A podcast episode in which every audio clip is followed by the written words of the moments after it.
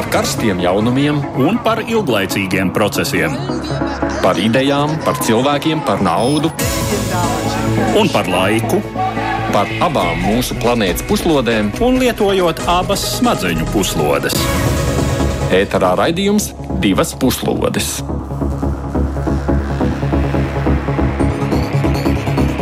Edvards Liniņš, Aits Tamsons, ierasts, sakim, labdien!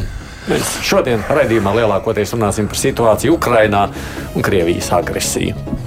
Frontē būtisku izmaiņu joprojām nav, taču šīs nedēļas pamanāmākā ziņa ir par ilgi gaidīto iznīcinātāju F-16 piegādi Ukrainai. Kādas ir iespējas uzlabot Ukraiņu spējas ar dažādiem tehniskiem līdzekļiem? Krievija turpina bombardēt Ukraiņas pilsētas. Paši Krievi apgalvo, ka dara to balstoties uz informāciju par militārajiem mērķiem Ukrajinā. Mēs neesam daudz runājuši par militārās izlūkošanas spējām un nozīmi šajā karā. Un visus šos aspektus analizēs un mūsu sarunā piedalīsies Nacionālo bruņoto spēku pārstāvis Majors Jānis Slaidiņš. Labdien! Sveicināti! Un Latvijas Nacionālās aizsardzības akadēmijas pētnieks, vēsturnieks Valdis Kusmins. Labdien! Un kā vienmēr mēs vispirms ievadā tādu plašāku ieskatu tematikā dodam. Nu jau trešo mēnesi rīt Ukrainas spēku pretuzbrukums, kura galvenais mērķis ir sasniegt Azovas jūras piekrasti, tādējādi pāraujot sauszemes koridoru starp Rostovu pie Donas Krievijā un okupēto Krimas pussalu. Tomēr pagaidām šīm operācijām ir vien ierobežoti panākumi Ukraiņu spēkiem laužoties cauri Krievu pamatīgi izbūvētai fortifikācijas struktūrai un blīviem mīnu laukiem. Šajā situācijā pastāvīgi izskan viedokļi, ka ilgi un ar cerībām gaidītais uzbrukums varētu būt Ukrainas bruņotajiem spēkiem pārāk grūts uzdevums, kura veikšanai šobrīd trūkst nepieciešamo militāro spēku un līdzekļu. Ukrainai nav pietiekamu cilvēku resursu, lai panāktu trīskāršu skaitlisko pārsvaru, kas tiek uzskatīts par nepieciešamu līdzīgu operāciju veikšanai. Tāpat Ukraiņu spēki izjūta pretgaisa raķešu un lādiņu deficītu, kas ļauj Krievijas pusē frontes tuvumā aktīvāk izmantot aviāciju. Ukraiņas bruņoto spēku galvenās priekšrocības joprojām ir karavīru pārāka morāle un sagatavotība, elastīgāka taktika un prasmīgāka vadība, kā arī labāks bruņojums, kuru piegāde pamatā ir Ukrainas sabiedroto ziņā.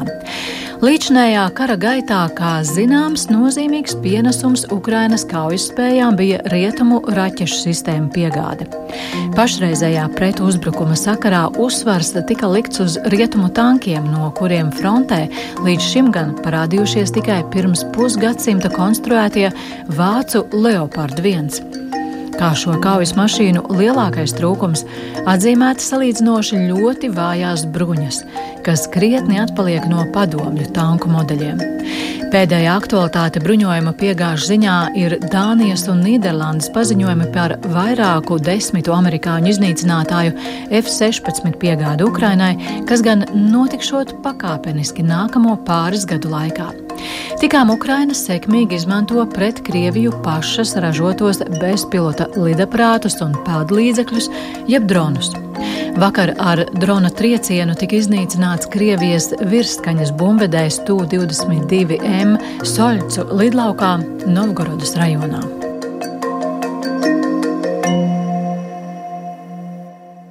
Kā jūs raksturot to pašreizējo situāciju frontē valdē? Uh, kā jau tika minēts, trīs mēneši notiek Ukraiņas bruņoto spēku mēģinājumi. Un, uh, mēs bieži lasām, sekmīgs, nesekmīgs. Mēs ne, ir grūti vērtēt, ja mēs nezinām detaļas. Kāds ir Ukraiņas bruņoto spēku teiksim, pamatuzdevums, kāds ir mērķis, ne tikai uzdevums, kas jāsasniedz, bet mērķis, kas angļuiski saucās svarīga sastāvdaļa purpose, kāpēc tas tiek darīts. Vai primāri tā ir teritorijas sagrābšana, vai primāri tā ir Krievijas bruņoto spēku uh, kaujas spējīgāko vienību iznīcināšana, novājināšana, lai pēc tam to izmain, izmantot vēlākās operācijās. Līdz ar to tas vērtējums grūts.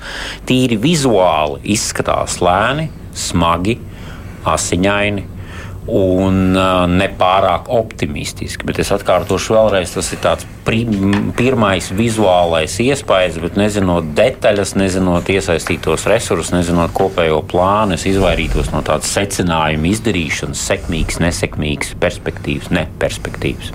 Slēdziņa kungam ir vairāk informācijas, lai varētu izdarīt labākus nu, secinājumus. Tas, kas smaguma punkts ir frontes dienvidos, ir viennozīmīgi atbalstošais. Ir, kā redzam, pie Bahmutas Ukraiņas spēki mēģina arī uzbrukt. Secinājums ir izdarījusi arī Krievija. Ziemeļaustrumos, Kupjanskas sektorā Krievija ir aktivizējusies un dara visu, lai vājinātu Ukraiņas spiedienu gan uz Bahmutu, un, protams, arī dienvidos, lai viņi pārsviestu rezervus. Es domāju, ka vismaz man ir gan arī droši skaidrs Ukraiņu bruņoto spēku plāns. Tas ir mēģināt izlausties un pārgriezt šo sauszemes koridoru. Jā, lai, Tātad tik līdz tai jūrai. Tik līdz tai jūrai. Jā, un nu, tas, ka iet grūti, nu, karš vispār nav viegla lieta, viennozīmīgi. Un nu, sākt šis uzbrukums ir. Pagaidām resursu izskatās pietiek uzbrukumam šaurā frontē, plašā Visticamāk, ka resursu trūkst. Cilvēki jā, jāveic mobilizācija, par ko tagad arī aktīvi runā, ka, lai Ukraiņu uzvarētu karā, vajag mobilizēt vismaz 3 miljonus karavīru. Ja, tas ir liels resurs, apmācība, un tas nebūs tik ātri.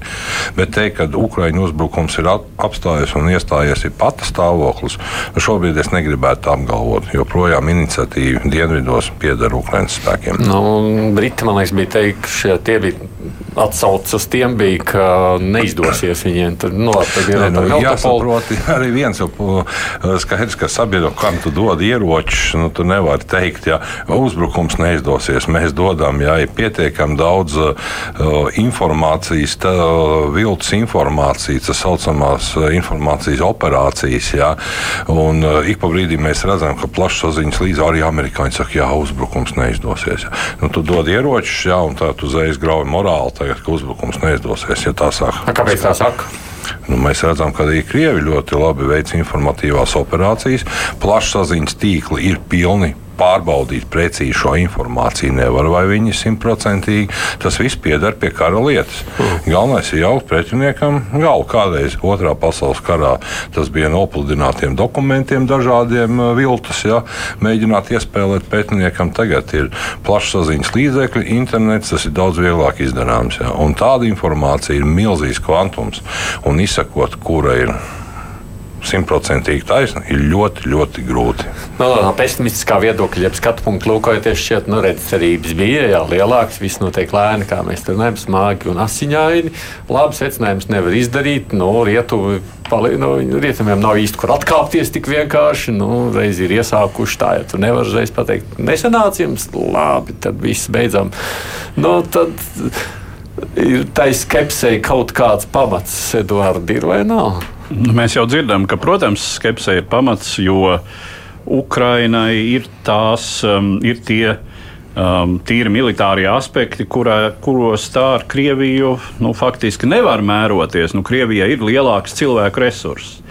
Kas gan arī ir tā, nu, droši vien, ka eksperti piekritīs, ka Krievijai savukārt ir proporcionāli ļoti mazs salīdzinoši šis sagatavošanas resurss, ka viņiem ir ir nu, krietni vājāka tā, tā bāze nekā pat tika domāts pirms kara sākuma. Bet, nu, jebkurā gadījumā, teiksim, Krievijas taktika, kuru mēs jau vērojam, sūtot, sūtot pirmkārt sūtot uz fronti, nu, teiksim, ļaudis, kurus var uzskatīt par sabiedrības uh, mazvērtīgāko daļu, kriminālistus, Uh, iesaucamos no neperspektīviem reģioniem, no um, sociālajām grupām, kas ir. Uh, Migrants pat es saprotu, tagad sāk jā, bija, nu, tie, jā. kas ir tie migrantus, kas ir ieguvuši nesen Krievijas pilsonību, domādami, ka viņi varēs Krievijā sekmīgi uh, veidot kaut kādu celtnieka vai, vai cita veida strādnieka karjeru. Nu, pamatā tie ir cilvēki no Vidusāzijas. Um, Centrālāzijas uh, valstīm. Nu, Tātad šādas kategorijas ļaudis, kuru vienkārši sakot, nav žēl, uh, tiek sūtīti frontē. Ukraina to nevar, arī to nevar atļauties. Ukrainai nav tādu vispār, teiksim, tai valstiskajā filozofijā tādu kategoriju, ka mums ir cilvēki, kurus nav žēl. Nu, lūk, bet, ja Krievija var to atļauties, un mēs redzam, ka viņi var, nu, te jau laikam parādās ziņas, nu, tik līdz, tik līdz sāks aptrūkties ļaudis, tas iznāk šo mobilizāciju, vai ne? Un... Šajā gadījumā ir svarīgi, manuprāt, tas, ko mēs redzam pēdējā pusotra gadā, ir tas, ka Vladimirs Putins principiāli ir izvēlējies stratēģiju neradīt Krievijas sabiedrībā kara sajūtu. Tātad speciālā militārā operācija, vai kā viņi sauc, principāli netiek saukts par karu.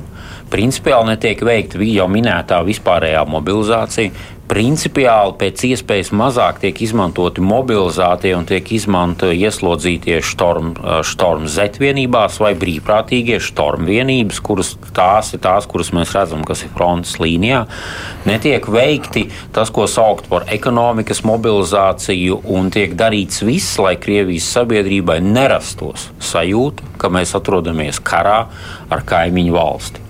Un šis, manuprāt, var būt arī viens no tiem izskaidrojumiem, kādēļ rietumu sabiedrība runā par, par to, ka militāriem mērķiem nekur pretuzbrukums ir it kā iesprūdis, it kā ir pata situācija. Ka, manuprāt, šādā veidā ir rietumu dažādi ietekmes centri mēģina sagatavot sabiedrību, ka mums pašiem tomēr būs jāsavalk jostas un būs jāievieš reālas ekonomiskās, nevis sankcijas, bet ekonomiskā blokāde. Piemēram, beidzot grieķu tankuģu īpašniekiem vajadzēs zaudēt šo ideālo biznesu, kas viņiem ir tagad pārvadājot ne nelegālos naftas produktus uz Indiju un uz kurienu viņus tur ved. Beidzot būs jāierobežo šis eksports, tas eksports, tas šis imports, tas imports, lai radītu Krievijas sabiedrībā reāla kara sajūtu, jo patreiz viņiem tas ir pārāk komfortabli. Vai runājot par šo kara reālo sajūtu, tam ir tā jēga, ko viņi dara ar droniem. Um, ap skrāpējot, kā lai to citādi nosauc. Tos... Nu, pagaidām apskrāpējot. Pagaidām, bet nu, neko jau citu viņi nedara. Viņi tur pas, ko nu paspēja paskrāpēt no tām. Es domāju, tas ir tikai laika jautājums, kad būs arī kāds upuris Krievijā no šiem dronu triecieniem. Jaušs, nejaušs. Jēgu gribu saprast. Šobrīd jēga ir pavisam vienkārši radīt. Ir tā, ka karš ir Krievijā, to, ko arī Zaļens pateica. Tātad, mēs, ja mēs paskatāmies vēsturiski otro pasaules karu, tikko sākās iebrukums Vācijas padomju Savienībā, ko PSRS darīja otrā vai trešā dienā. Viņi no Igaunijas, no Sāmsalas aizsūtīja bumbvedējus bombardēt Berlīnu. Tātad, lai Vācijas saprotu, ka karš viņi arī ir apdraudēti. Un līdzīgi to dara, protams, arī Ukraiņa nu, bez bumbvedējiem, dronus izmantojot. Bet es domāju, tas ir diezgan tāds psiholoģisks vairāk šobrīd. Bet tas, ka šie uzbrukumi kļūst ar vien biežāki un arī precīzāki, jā, nu, tas, tas ir fakts. Jā, kādu laiku atpakaļ bija Nu, nevarētu teikt, ka būtu precīzi viņi lidoja, bet tagad redzam, ka mērķis ir Moskavas City. Jā, visu laiku tēmēts uz vienu vietu. Un, ka, un vismaz no trijiem, četriem droniem viens sasniedz mērķi. Jā, pie kam te ir tāds moments, ka pat tad, ja šo dronu notriec, tad ir diezgan liela iespējamība, ka viņš arī nokrīt apdzīvotā vietā. Šķiet, ka Nu, Diezin vai Ukrāņi tēmēja uz to dzīvojamo māju, kur gan arī ir tikai izbiruši logi Piemaskavā. Uh, izbiruši logi un, un uh, sabojātas automašīnas, bet Uh, cik es saprotu, tas bija drons, kas tika notriekts un nokrita. Tur, nu jā, tas tieši tas, kas pārtvēra. notiek Kīvā, kas notiek Odesā, kas notiek Ukraiņas pilsētās, kur notriecot Irānas ražotos dronus un arī Krievijas pārnotās un balistiskās raķetes. Jā, ir tiek nodarīti bojājumi. Ja ceļš balstiskās raķetes gadījumā, nu, tā, tādā ātrumā šis šāviņš krīt, ka viņu pat notriecot, viņš turpina kustēties pa savu trajektoriju un ir liela iespējamība, ka viņš tomēr ir sasniedz savu mērķi un sprākst vismaz šī mērķa tūmā. Pēd, pēdējie divi triecieni bija tieši trāpījumi šī Maskavas situācijā. Nu, jā, es pieņemu, ka šajā gadījumā tas, ja mēs runājam par otrā pasaules kara analoģijām, tad nāk Hamburgas reids, kur un operācija Gomorra, kur veids uzlidojumu, tāpēc, ka tur var trāpīt. Šī, šīs lielās mājas ir jeb daudz stāvu debesu skrāpji, kas ir vienīgie faktiski tādi lielie atšķirīgi debesu skrāpji, viņiem garām aizlidot ir sarežģīti. Tādēļ lidojam tur, kur varam trāpīt. Vēl jau vairāk tādēļ, ka šajās mājās uh, ir izvietoti gan uh, dažādas ministriju iestādes, gan arī nu, teiksim, banku infrastruktūras, kritiskās infrastruktūras, dažādi objekti tur atrodas. Tātad mēs savā ziņā varam arī nu, paziņot, ka tie ir svarīgi un leģitīmi mērķi no kara vešanas likumdošanas viedokļa, un mēs pa viņiem varam trāpīt. Ja, jo trāpīt pa trīs stāvu ēku Maskavas aglomerācijā varētu būt sarežģīti šādos attālumos, ņemot vērā, ka GPS tiek tur nedarbojās. Un citi izaicinājumi, tehniski izaicinājumi, tad mēs šaujam pa to, ko mēs varam sašaut, un tad pievilksim, kāpēc tieši tur. Bet tas to psiholoģisko efektu rada? Nerada man Mm. šķiet šobrīd. Es domāju, ka rada. Jo, Rada tomēr. paskatoties Krievijas telegramu kanālos, šis sarakstus, kas ir, jā, nu, tur cilvēkiem, kā tas ir Maskavā, tas ir mūsu centrs, kā, kur ir pretgaisa aizsardzība, šoigu pakārt. Tur ļoti cilvēki ir sašutuši, jā, ka viņi vairs nejūtās drošībā. Un, ja mēs paskatāmies šie uzlidojumi, kur- kad notiek, viņi agri no rīta, jā, teiksim, un tur jau tas efekts ir no tā visa. Bet, protams, arī jāskatās, ko vēl nedaudz atpakaļ atgriežoties par šo Krievijas propagandu. Jā, arī ņemot vērā šos dronu uzbrukumus, ir skaidrs, ka Krievi gatavojās vispārējai mobilizācijai. Viennozīmīgi to var apgalvot. Pašlaik, jā, ir tās vēlēšanas viņiem. Jā. Pagaidām varbūt propagandai grūti ieskaidrot, kāpēc ne vairāk speciāla militāra operācija, bet karš. Bet, ja mēs paskatāmies visu Solovjovas, Skabējevas raidījumus, tad tur var noprast, ja, ka tiek tauta gatavot uz vispārēju mobilizāciju. Tas, ka viņi netiek galā ar iespējams ar šo to slēpto, ja, tas ir skaidrs. Lai gan katru mēnesi viņi iesauc apmēram ap 20 tūkstoši, tāds ir Ukraiņas izlūkošanas vērtējums, bet to ir pa maz. Un skaidrs, ka viņi grib revanšu šobrīd. Kāds tad būs efekts šādai mobilizācijai? Tā tad šobrīd frontē izskatās, ka Krievi dara visu, lai šis konflikts ieilgtu. Un, kā saka, lai kaut vai pati stāvoklī, kaut vai pāriet uz pozīciju karu, iesaukt šos mobilizējušos cilvēkus, veikt kvalitatīvu apmācību, nevis tā kā līdz šim. Kā Pierasts pie Krievijas spēkiem divas nedēļas, un urā, jā, bet izveidot strateģisku rezervi. Un tas šobrīd izskatās, ka Krievijai ir viens no mērķiem - maksimāli paildzināt karu, tāpēc viņi pretosies, pretosies izmisīgi ar jebkādiem līdzekļiem. Un zināms, ka Krievija aizsardzībā ir efektīvāka nekā uzbrukumā. Un šajā gadījumā mobilizācijas arī ir ne tikai tāds uh, psiholoģisks iemesls, kādēļ vispārējā mobilizācija nav izsludināta, bet arī praktisks iemesls, iemesls Krievijai un Krievijas bruņotajiem spēkiem konkrēti trūks mobilizācijas rezerves, lai nodrošinātu karaspēku vienības ne tikai ar person personāla sastāvu, vienalga apmācītiem ar strēlnieku ieročiem, Bet, nu, piemēram, 300 mobilizēti cilvēki ir cilvēku pūlis ar automātiem. Lai no viņiem izveidotu kaujas spējīgu vienību, ir nepieciešama sakaru līdzekļi, transporta līdzekļi. Mūsdienās tie ir simtiem. Varbūt ne simtiem, bet desmitiem dronu, bezpilotu lidaparātu, kas nodrošinās sekmīgu kaujas darbību un tā tālāk. Un tā tālāk, un tā tālāk. Dotajā brīdī ir tā, ka sakaru līdzekļi šajās mobilizētajās vienībās lielākoties ir Ķīnā ražoti. Kirisānu un dažādi citādi modeļi, kas nav efektīvākais un drošākais karadarbības vešanas veids. Transporta līdzekļi ir tā, tā saucamās buhānkas un gazeles, kuras tiek diezgan intensīvi iznīcināts ar droniem, un YouTube var redzēt ļoti lielā skaitā, kā tas viss tur izskatās. Un, lai radītu karaspēku vienības, kuras būtu atbilstošas mūsdienu kara vešanas tiem apstākļiem, kas, piemēram, Dienvidu-Ukrainā, ko mēs redzam, jā, aizsardzībā šādas vienības vēl, vēl var kaut ko darīt ar lieliem mīnu laukiem un sagatavotiem nocietinājumiem, bet, lai aktīvi iet uz priekšu, objektīvi šīs ekonomiskās potenciāls sagatavot militārās tehnikas un militārā aprīkojuma rezerves ir ierobežots. Un, ja Krievija ar to, nu, to mēs redzam, kas notiek ar rietumu valstīm, kur ļoti intensīvi gan NATO, gan šī kopējā koalīcija meklē dažādus risinājumus, kā šīs raķetes ražot, kā ražot to, kur dabūt to, velk no šrotiem ārā tankus, burtiskā nozīmē atjauno, apmāca un sūta. Visa rietuma pasaule ir saspringusi šāviņu ražošanā un visas šīs lietas, tad arī Krievija kaut kādā brīdī nonāks līdz tam brīdim, ka viņi to vienkārši vairs nevar. Aizsardzība, jā, viņi šādā veidā vēl var izturēt, bet, lai turpinātu agresīvu darbību, tas ir redzams šaurās vietas.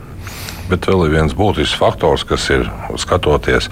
Atkal jautājums par Kurskas atomelektrostacijas Zaporīžas terora akti. Jā. Nu, tas ir skaidrs, ka tas ir iespēlēts. Jā, un izskatās jau, ka Krievijai nav cita ceļa. Viņš atkal šantažēs, lai būtu atkal politiskās uzmanības centrā, lai rietumu valsts līderi zvanītu viņam. Tas ir vēl viens būtisks trumps, ko Krievija var izspēlēt. Ko klausoties šajā visā secībā, kas mums gaida? nu, um, visdrīzāk mūs tiešām gaida tas, par ko jau arī tagad runā, ka uh, karš ilgs uh, vismaz vēl vienu gadu. Uh, kā mēs gaidīsim nākamo gadu ar jaunu Ukraiņas uzbrukumu, visdrīzāk atkal pavasara, vasaras sezonā. Um, un uh, savukārt kādus Krievijas centienus, lai gan nu, jautājums, vai Krievija tiešām saņemsies uzbrukumam, vēl jau ir viena liela problēma, um, un tas ir virsnieku sastāvs. Uh, jo esot diezgan akūts virsnieku trūkums Krievijai. Ceļš jaunāko, tas ir otrs bataljonu komandieris. Vispār pastāv tāda iespēja, ka viņi varētu mēģināt, nu, kamēr jūs tur Melitopoli mēģināt piekļūt tuvāk, nu, tad mēs tomēr izdodas Harkovā būt. Nu, Harkivā varbūt tas pagaidām pa lielu. Vispirms jātiek pāri Oskils upē, ir teiksim, šis grupējums. Viņš varbūt ir vairāk domāts uzbrukuma operācijām, jo es arī sazinājos, un nu, teiksim, mani avoti vēst, ka šis uh, grupējums nav efektīvs. Viņi skrien, jā, bet panākumu nav, vienīgi daudzums. Lai Krievijas spēki savāktu kvalitatīvu karaspēku un atgūtu Harkivu ar šo kolektīvu, tas viņiem neizdosies. Trūkst nu, apmācības profesionālitātes vienkārši.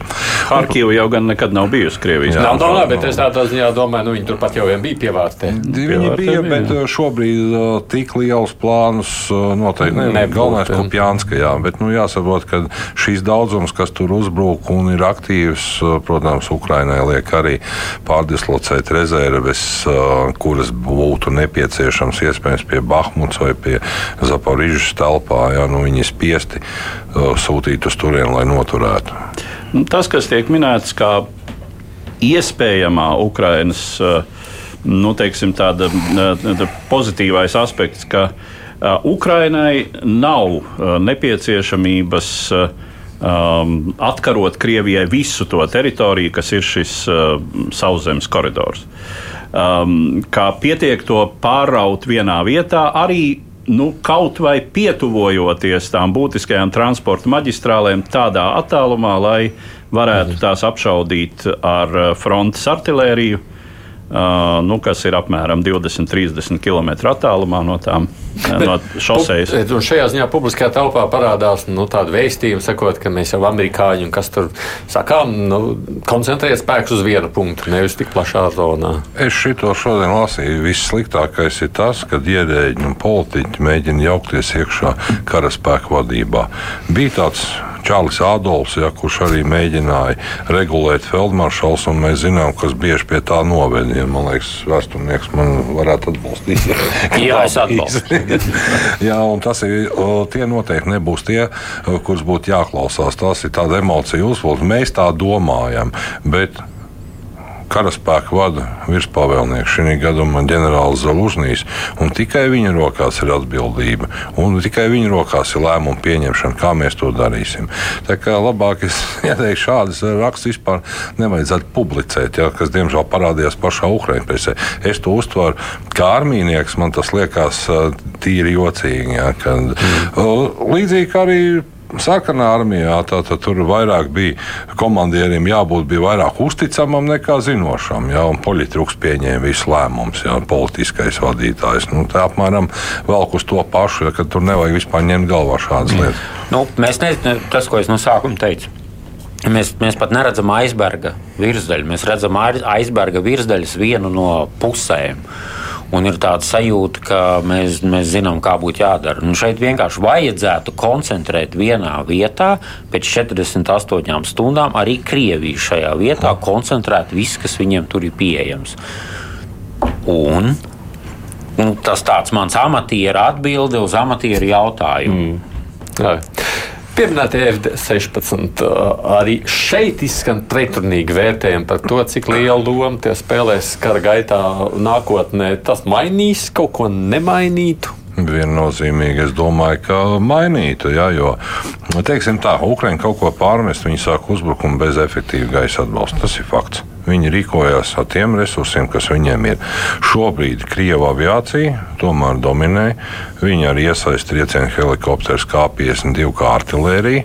Vadāmām raķetēm viņi ir izvilkuši laukā gudrās, ja, kuras uh, būtiski nodara kaitējumu Ukraiņas bruņotajiem spēkiem. F-16, nu, pirmkārt, tas ir, ja, ir tie modeļi, kas ir modernizēti 95. līdz 2005. gadam. Viņiem jau ir radars uzlabots. Viņš jau redz 110 10 km attālumā. Turklāt F-16 ir plaša spektra bruņojums, ieskaitot gaisa, gaisa raķetes ar vismaz 100 km tālšāvību. Un šāda veida ieroči, protams, aizdzītu šos Krievijas aviāciju turēt pa gabalu. Vismaz armijas aviācijas nerunāju par strateģisko, ja, bet tā aviācija, kas darbojās frontē, tad triecienu lidmašīnas, Su-25, Su-24 iznīcinātāji. Ja. Mm. Jā, bet droši vien tādā pamanāmā kvalitātē arī šie iznīcinātāji varētu parādīties kaut kad nākamā Jā, gada protams, pirmajā pusē. Protams, nu, tā ir saprotama. Nu, šeit es negribētu pilnībā piekrist Major kungam. Jo, ja mēs skatāmies visas pēdējo 30 gadu lielākās militārās operācijas, kur piedalās, kur ir piedalījušies rietumu gaisa spēki, nu, vienalga, vai tā būtu Irāka, Afganistāna, Lībija vai vēl kaut kur, kur ir ļoti ierobežota pretdarbība, vienalga, vai tā arī Irāka, Lībija, Serbija, vienalga, kur. Jebkurā gadījumā gaisa pārsvara nodrošināšana gaisa telpā, tad konkrētas teritorijas gaisa telpas kontrole, tas, ko Majorkungs minēja, dominē vai nedominē. Šeit nepietiek ar vienalga F-16 vai pat ar F-35. Šeit nepietiek. Tā ir ļoti komplicēta un ļoti sarežģīta operācija, kur ir nepieciešams, piemēram, avaks lidmašīnas, tie gaisa radari kontrolas lidmašīnas, dažādas, teiksim, F-18 grauleri, kas nepavēlti ir ļoti, ļoti, jā, tie, nu, teiksim, elektroniskās kara darbības lidmašīnas. Pati, pats F-16 šādā gaisa telpas iekarošanas operācijā, man negribu sameloties par procentos, bet būtu mazāk par pusi no kopējā ieguldītā darba apjoma. Viņi jau ierodās pēc tam, kad jau šī gaisa telpa ir izcīnīta, un tad viņi jau tad, kad viņi dominē virs kaujas līnijas, virs kontakta līnijas, kur jau var izmantot plaša spektra dažādus ieročus, vadāmās raķetes un šādi tādi raķetes. F-16 vieni paši nenodrošinās dominanci gaisa telpā, pat ierobežotā gaisa telpā. Tas, ko F-16 nodrošina, ko Major kungs minēja, ir plašāka spektra uh, ieroču izmantošana jau esošajā, esošās taktikas ietvaros. Tātad, kāda šī esošā taktika patreiz izskatās? Tātad, tie ir padomju paudzes lidmašīna, MiG-29, kas nosacīta nu, 50 km attālumā no frontes līnijas, palaiž gudrās bumbas, džeidām ir pielāgots tie paši Storm Shadow, uh, balistiskās uh, spārnotās raķetes ir pielāgots.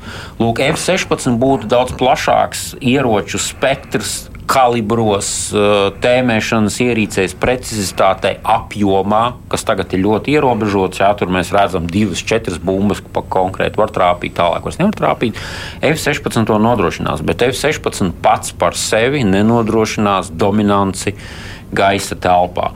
Un, jā, varētu būt, būs lielāki zaudējumi kā 52, bet viņi tik un tā virs zemes būs spējīgi tikt tikt klāt. Uh, MiG-35 nodrošinās gaisa kaujas, iesaistīsies, un Krievijas gaisa spēki visu savu eksistenci ir gatavojušies kara darbībai pret F-16. Tas ir tas, kas viņi bija maize, ar ko viņi nodarbojās. Viņi varbūt nav gatavojušies karot pret bukiem un lūk, šādām pretgaisa aizsardzības sistēmām, bet F-16 ir viņu mērķis gan arī numur viens visu mūžu.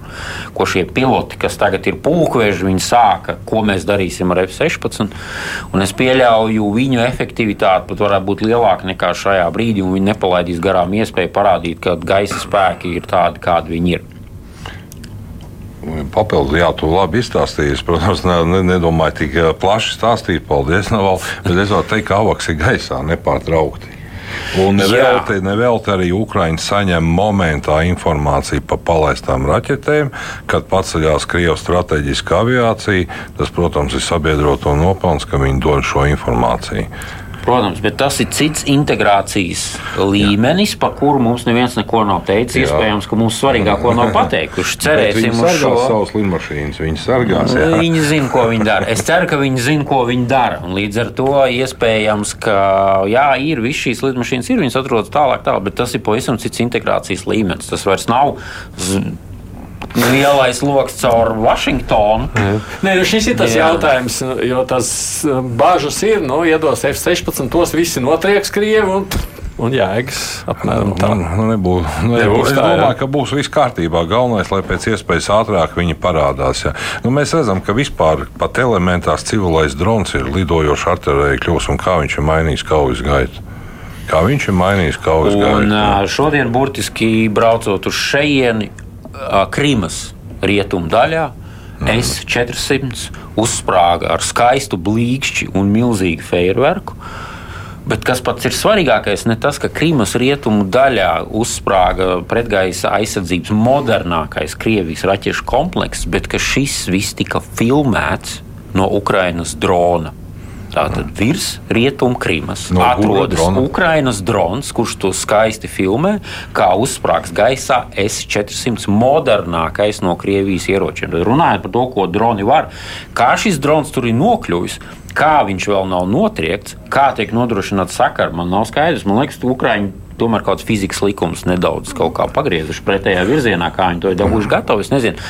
Bet lūk, šis ir pat daudz, manā skatījumā, ir pat daudz optimistiskāka zīme ka šī kara darbībai ir cerība, ka viņi tomēr nonāks līdz, līdz jūrai, agri vai vēlu, jo Ukrainas dronu tehnoloģija, un šeit es domāju, nevis tas kinētiskā daļa, ka kaut kas sprākst, bet Ukrainas droni, kas ir spējīgi veikt izlūku lidojumus 50, 60, 80 km Krievijas kontrolētās teritorijas dziļumā, ka viņi nodrošina radiosakars. Nezinu, caur ko viņi to nodrošina, caur visām pretdarbībām, ir, ir pienāk attēls. Tā ir pat optimistiskāka zīme par iespējamiem F-16 kaut kad nākamā gada pavasarī. Nu, tikko arī Pentagons paziņoja, ka uh, Krievija mēģina visādos veidos Starlink signālus bloķēt. Jā, bet eh, šobrīd izskatās, ka viņi vienkārši nevar. Un te arī būs atbilde noteikti, ka turpat no Krīmas kaut kas pacēlās īsā distancē un trāpīja pa šo Krievijas superieroci. Un es domāju, ka tūlītās arī, nu, vai tūlītās tas var būt tā, bet eh, Krimas tilta veselība arī nav visai laba. Un arī tam pienāks laika. Un tas ir tas atslēgas punkts kaujā pa dienvidiem, ja šī apgāde tiešām būs. Mēs zinām, Helsinas operācija Tātad šie tilti. Un, ja Krimas tilts un tie divi, kas ir pie Čongaras, otrs un vēl būs tās arbatas strēles, laikam, ja nemaldos, ja tie tiks, viņi Krievi nespēs vienkārši to milzīgo savu grupējumu apgādāt, jo sauszemes koridoru Ukraina jau var apšaudīt, jā, turēt zem uguns, un es domāju, ka tā būs tas atslēgas punkts. Un to Ukraiņi sākuši tā lēnām, bet pakāpeniski pieturēties. Nu, mēs redzam frontes uzbrukums, bet uh, izšķirsies daudz, kas notiks Krimā, ieskatot tiltu. Tā tehnoloģija attīstība ir tā, ko mēs vismazāk varam reizēm par tevi spriest, jo mēs nezinām, kas viss ātri mainās pa mēnešiem. Jā, tās ir šī kara novitātes, par kurām nu, tā varēja droši vien, uh, tāpat kā pirms Pirmā pasaules kara, bija dažādi viedokļi par to, vai aviācija vispār ir militāri nozīmīgs faktors vai nav. Tad izrādījās, ka ir gan. Jā, no sākuma šāva pistolēm, pēc tam jau ložmetējiem, un tas strādā. Nu? Nu, viens aspekts, ko mēs te mazliet jau pieminējām, tā, tā izlūka darbs un izlūka vispār informācija kā tāda. Te nu gan jāstāsta no abām pusēm droši vien, tāpēc, ka nu, mēs jau pieņemsim regulāri arī mūsu ētrā šausmināmies par kādiem Krievijas raķešu triecienos gājušiem bojā. Šodien tur bija Černiņķiva. Paši Krievija saka, ka tā viņš jau pa militāriem mērķiem un saka, tas viss ir balstīts uz viņu izlūku esošā rīcībā esošā informācija. Mēs vispār par šo ziņotāju darbu esam maz diezgan runājuši, cik liela tam nozīme ir karā. Tāpēc turpinot par šo vispirms vienkārši tāds īss nu, tikko tās pieminētās traģēdijas izklāsts.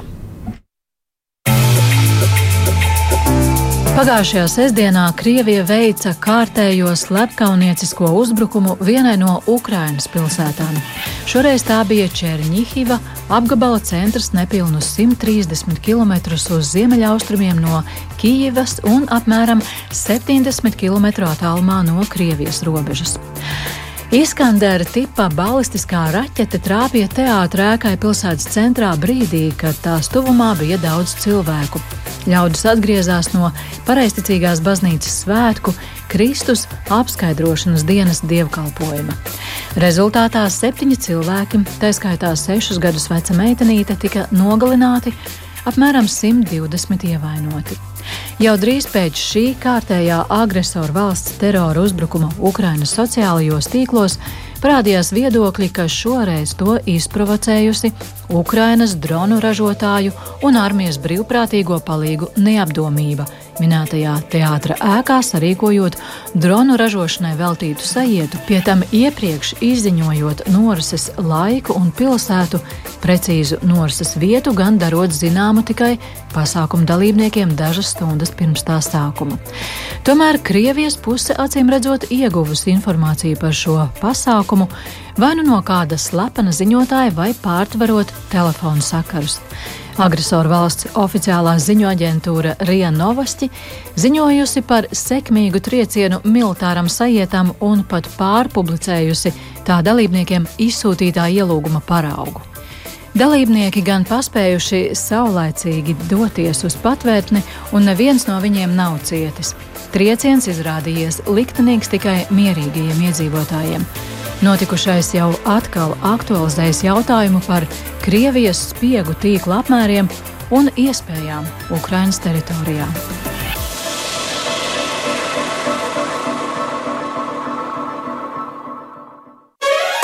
Divas puslodes.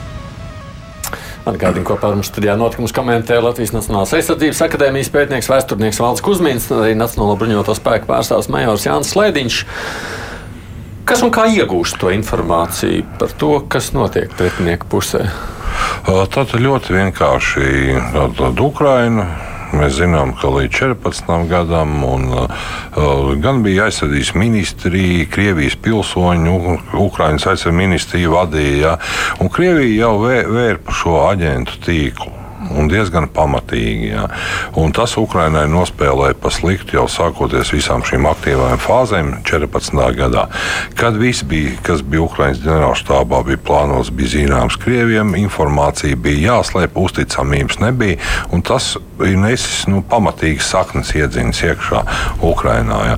Tas, ka viņi tagad mēģina to cīnīties ar dažādām metodēm, bet pilnīgi skaidrs, ka visu šo aģentu tīklu iznīcināt. Nu, praktiski nav iespējams. Jā. Nezinu, cik ir teiksim, savārvēti jau kara laikā. Un, zināms, ka, protams, nauda tas ir viens no tā, uz ko ir gatavi cilvēki iet uz savas valsts nodevību. Līdzīgi arī noteikti šī pilsētā bija, ja, ka netika pārbaudīta informācija, vai tur ir vai nav. Vienkārši tur ir militāro dronu izstāde, ja, kas īstenībā no Ukraiņas puses teiksim, rīkot šo, es uzskatu, tas bija kosmisks stulbuma līmenis. Nu, to nedrīkstēja darīt tik tuvu. Ja. Turklāt Krievija šo raķeti palaida, lai būtu pēc iespējas mazāks reakcijas laiks.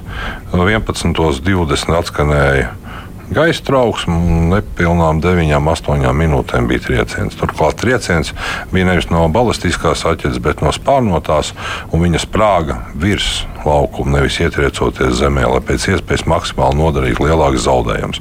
Tātad tas bija vērsts no informatora, kad ir liels cilvēku pūlis, lai pēc iespējas vairāk tiktu nodarīti zaudējumi. Un gandrīz droši tā ir Krievijas aģentūra, kur tur strādāja vai iefiltrējušies, vai nu, kāds attālināti. Jā, to, tas ir ar to jārēķinās. To mēs vēl redzēsim nevienreiz vien. Jā. Šī tas aizmirsīsies, nāks nākamais. Tikai tas kopā viss vāksies. Šie visi noziegumi, kas ir izdarīti. Ja. Bet Krievija, protams, pateiks, jā, tur bija militārais, tāpat kā iepriekš, ja, pa visām vietām, pa Kramatorsku, pa Slovjansku, tur bija militārie. Ja, viņi, viņiem jau nav jāatskaitās, viņi pasaka to, ko viņi.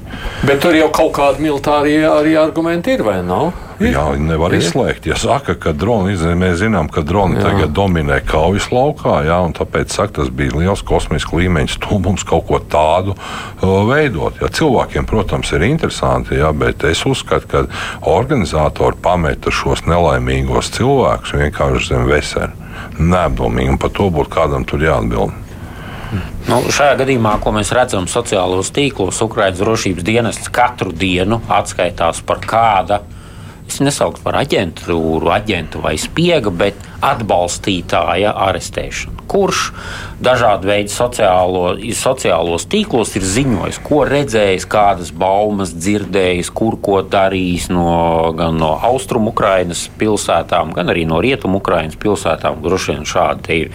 Šī informācija daudz un dažāda, un tas, ko mēs redzam, jau, jau ko tika minēts, ja, kas, piemēram, Kramatorskas gadījumā, pizzērijā, kurā ēd picu militāru personu Krievijas skatu punktā kļūst par leģitīmu mērķi, kas, protams, ir nu, diezgan absurda situācija, jo tad jau par militāru mērķi kļūst pilnīgi jebkas. Pa šo ielu pirms nedēļas brauc militāra mašīna, šodien mēs pa viņu varam bumbot. Un tas tāds ļoti izstiepts jēdziens, kas ir leģitīms militārs mērķis.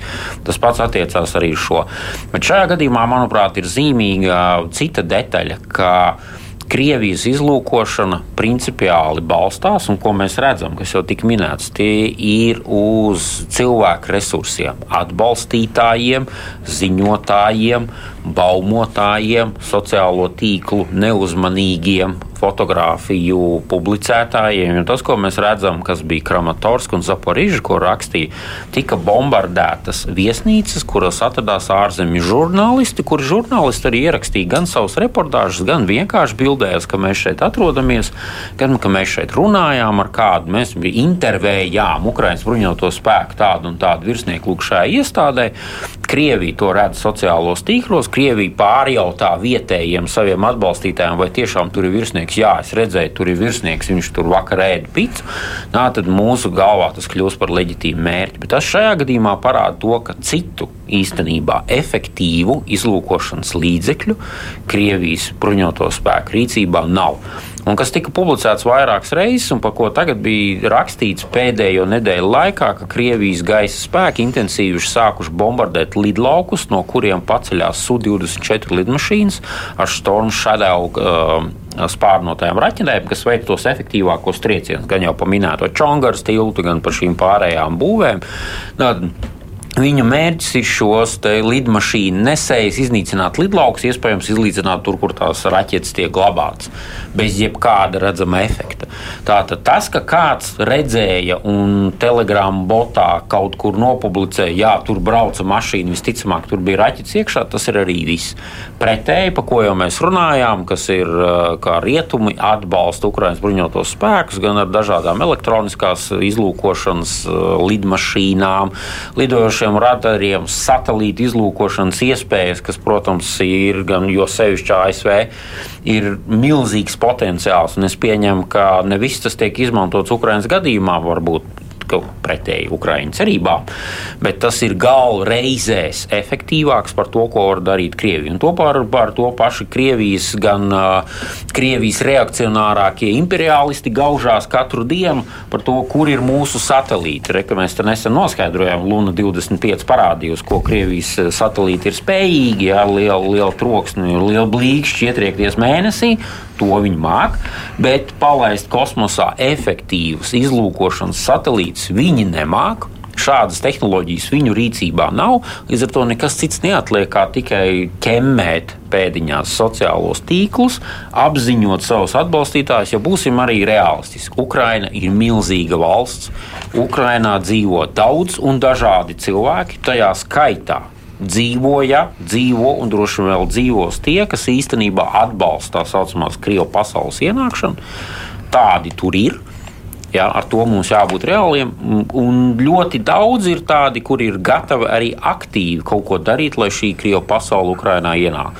Ukraiņi ar to cīnās, kā jau es minēju, ja sociālos tīklos mēs redzam, ka drošības dienas katru dienu atskaitās ar, par saviem panākumiem, bet, nu, diemžēl, tam ir arī otra puse. Un šādi, šādi triecieni Ja Ukrāņi paši, bruņotie spēki un civiliedzīvotāji dos šādas iespējas, tad šādi triecieni tiks veikti, diemžēl, ar civiliedzīvotāju upuriem. Mm. Tiešām Krievijam nav nemaz satelīti pieejas informācijas. No, nu, jau, ir jau noteikti, gan gluži jau viņa bešā nav, bet, uh, protams, izskatās, ka, uh, kā jau teica, nu, ir problēmas Krievijam ar šo izlūkošanu. Kad nav tā informācija. Arī teiksim, viņu trieciens tagad par um, šo reģionu, kur arī Ukraiņu lidlauks bija Ivana Frankivska, kur uh, Kinžāls trāpīja nevis lidlaukā, bet pēku. Jā, tātad viņiem bija informācija, ka tur ir Ukraiņu piloti, kuri savākti, kuri tiks apmācīti uz F-16. Jā. Mm. Tātad arī tur kāda informācija pienāca, uh, bet nekāda tāda vizuāla noteikti tas bija no saņemt šo, šī ziņa no informatora. Jā.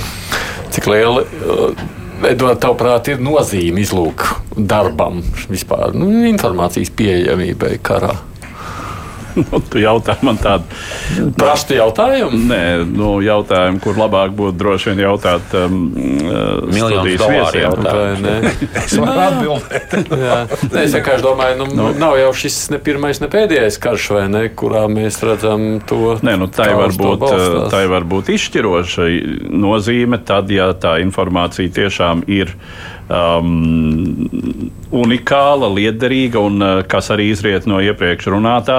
Ja savukārt tai pusē par kuru šī informācija tiek piegādāta, tas nav zināms un nav, nav pat nojauts par to. Nu, respektīvi, ja šis uzbrukums tiešām tiek veikts tur, kur to negaida, ja tiešām tādi piloti būtu pulcējušies attiecīgajā ēkā un tur būtu kādas apmācību klases, un tad pa to trāpa. Nu, tā kā Ukraina to demonstrēja vairāk kārt, nu, pēdējā laikā salīdzinoši maz ir dzirdēts, bet bija tāds kara pirmajā posmā, kad uh, laiku pa laikam trāpīja kādam Krievu armijas štābam frontes tūmā. Un tur bija ģenerāļi, kuri tā sacīt, beidza šādā veidā savas dzīves gaitas. Nu, vienkārši mums Es pieļauju, ka it īpaši droši vien Krievijas iedzīvotājiem, postpadomu iedzīvotājiem priekšstats nu, izlūks, kas ir šķirlīts vai ne? Nē, nu, tā, tā es pieks, teiksim, šķirlīts bija. Nu, Krieviem bija izlūks, rietumiem bija. Jā, bet tā ir kaujas funkcija un viena no svarīgākajām kaujas funkcijām, bez kuras tu nevari neplānot uzbrukumu, neplānot aizsardzību, nedot triecienus, ja tev nav. Ja tas ir ļoti svarīgi. Turklāt, kā jau Edvards teica, daudz kas info izlūka informācija atrodam plašsaziņa internetā. Teiksim, jā.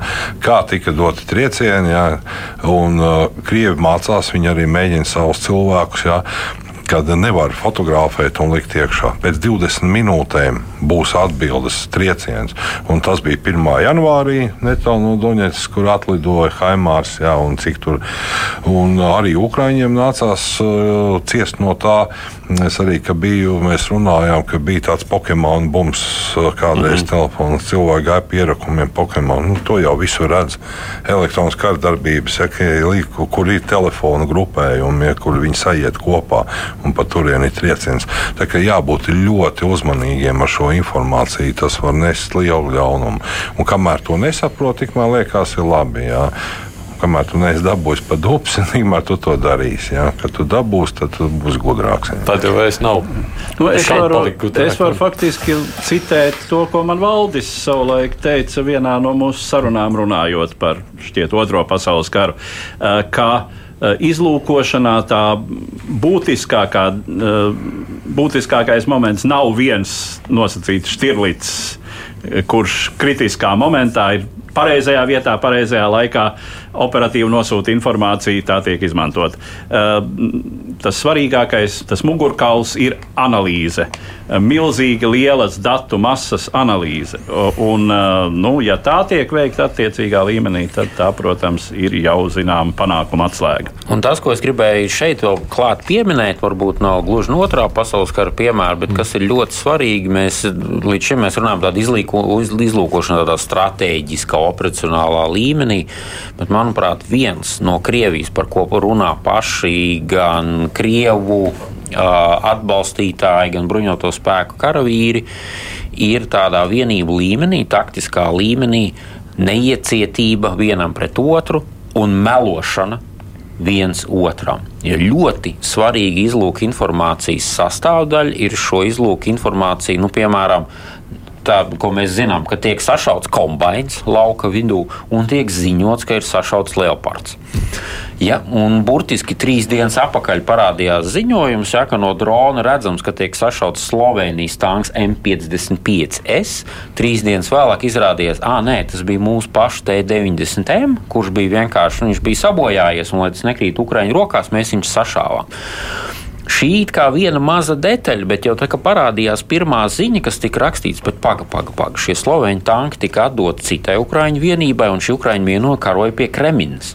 Ja šie tanki atkal pie Zaporīžas, tad tas nozīmē, ka šī vienība ir pārsviesta uz Zaporīžu. Tā jau ir izlūka informācija. Un, ja mēs tīri, lai palielinātu savu iznīcināto tanku skaitu, nosacītu, esam piemelojuši, ah, tas bija Leopards un noziņojuši kādam lielam ģenerālim, tad liels ģenerālis uz savas kartes iezīmē mazu rombiņu, nu viņi nezīmē rombiņus, mēs iezīmētu rombiņu, ka pie Zaporīžas ir parādījusies vienība, kas būtiski maina priekšstatu par draudiem un iespējamiem uzbrukumu virzieniem un šīm lietām. Un no šādām maziem meliem veidojas lielas traģēdijas. Tad, kad pie Balaklējas gadu atpakaļ notika tā saucamā veiksmīgā pārgrupēšanās, kā viņi to nosauc, un cīniski, ironiski to turpina saukt par veiksmīgu pārgrupēšanos, viens no iemesliem bija arī šī melošana izlūkziņojumos, ka mēs esam nogalinājuši miljonu ukrāņu jau cik tur viņi, viņi tur katru dienu, viņas desmitiem tūkstošu. Leopārdi ir iznīcināti vairāk nekā viņi drīz būs saražoti. Tas turpinās. Tā ir neatņemama izlūka informācijas sastāvdaļa. Un šeit ir ļoti svarīgi būt disciplinētam katram karavīram redzu binoklī piecus, tātad ziņoju, ka redzu piecus, nevis 55. Un kādam tas tiek pierakstīts, kādam tas tiek nosūtīts, un vakarā par to jau jāzina visiem kaimiņiem, ka bija 5, nevis 55. Tās ir svarīgas detaļas, kas ir disciplīna, militārā vienības kultūra, sauksim to par tādu attiecību kultūru, profesionālu vienam pret otru, kas veido pamatu kā jau Majorkungs minēja, efektīvāk kaujas funkcijai, ar kuru sākas jebkura militāra operācija un kas novedīs pie panākuma vai pie katastrofas. Saliekot visu kopā un pabeidzot no Krievijas puses, kā saka Slaidņkungs, visticamāk, mēs varētu gaidīt mobilizāciju. Kā viņi viņu nodēvēs, tas būs citādi. Viņi nosauks viņu droši vien par daļēju, bet būs vispārēji un visādi kādi citādi, jau kāds ir pierasts tajā galā dzirdēt. Uh, paredzam, ka tas viss ievilksies, jā, tas viss mēģinās noteikti, noteikti nebeigsies tik ātri. Bet Ukraiņiem, jūsuprāt, ir cerības nokļūt uz tai jūrai vēl šajā gadā vai nē? Nu, līdz jūrai tas būtu ļoti labi, ja viņi nokļūtu. Bet galvenais, lai viņi dabūtu uguns kontroli pār Krimu un par šo pilnīgi visu koridoru. Tas ir iespējams. Jā. Tā tad jā, jāspēr vēl solīts uz priekšu tok, Tokmaka, un ja būs Tokmaka Ukraiņas rīcībā, tad tas jau būs milzīgs panākums. Mm. Tokmaka tie ir šķiet 30 km. No 25, jā, jā 30. Nu, cik tas ir vēl tālu? Tas ir tālu. Nu, tas var būt tālu no Bahmutas, piemēram, spriežot. Bet tā aizsardzības vismaz mīnu lauku tur varētu būt mazāk, kā tiek uzskatīts, jo tas ir Krievu manevru koridoru, viņiem pašiem pa turieni jāmanevrē. Līdz ar to Un pēdējā informācija liecina, ka Krievija pastiprina trešo un otro līniju, ja viņi rēķinās ar to. Un tai vēl tam ir jātiek cauri. Tā ir jātiek. Nu, šeit ir, ko pierāda otrais pasaules karš, pirmais pasaules karš un vispārējie pasaules kari. Betons nekaro. Tie sabūvētie rombiņi, vai kā mēs viņus sauksim, mm -hmm. tie uh, Surovikina līnija vai Faberžē līnija, vai Faberžē līnija, kā viņi sauc šausmīgi dārgi un bezsakrīgi. Viņi paši par sevi neko nedarīs. Tur ir jābūt karavīram, kas ir gatavs šo līniju aizsargāt. Un tas, kas tagad notiek pie Roboķino un pie visām citiem mazajiem ciemiem, it kā maziņš ciemats, bet šim ciematam cauri tūlīt jau būs izrotējuši apmēram nu, Krievijas trīs brigādes izmēra vienības nu, pulki, brigādes, tas mm. mēs runājam, apmēram 90 bataljoni uz 5 mm. reizes 5 km. Viņi ir iegājuši un aizbraukuši melnos maisos atpakaļ. Bet piekrīt, ka šī kauja dienvidos līdzīgi Kurskas kaujai, tikai bez Diemžēl. radiācijas. Diemžēl. Mm. Diemžēl. Tā saka Jānis Slēdiņš, kurš Nacionālo bruņoto spēku pārstāvs un majors, un arī Valds Kusmins, Latvijas Nacionālās aizsardzības, aizsardzības akadēmijas pētnieks un vēsturnieks. Paldies jums, ka atnācāt šeit. Jā, paldies. mums. Raidījuma divas pušlodes, Edvards Slēdiņš, kā vienmēr, viens no raidījuma līdzautoriem studijā, tāpat kā es Aidis Tomsons, producē raidījumu Evi Junāma. Nu, ko tiekamies atkal pēc nedēļas, sekojam līdzi arī politiskiem notikumiem, protams, kas ir pasaulē, un par to visu runāsim no atkarībā no tā, kas tajā brīdī būs vissvarīgākais uz sadzirdēšanos. Divas puslodes!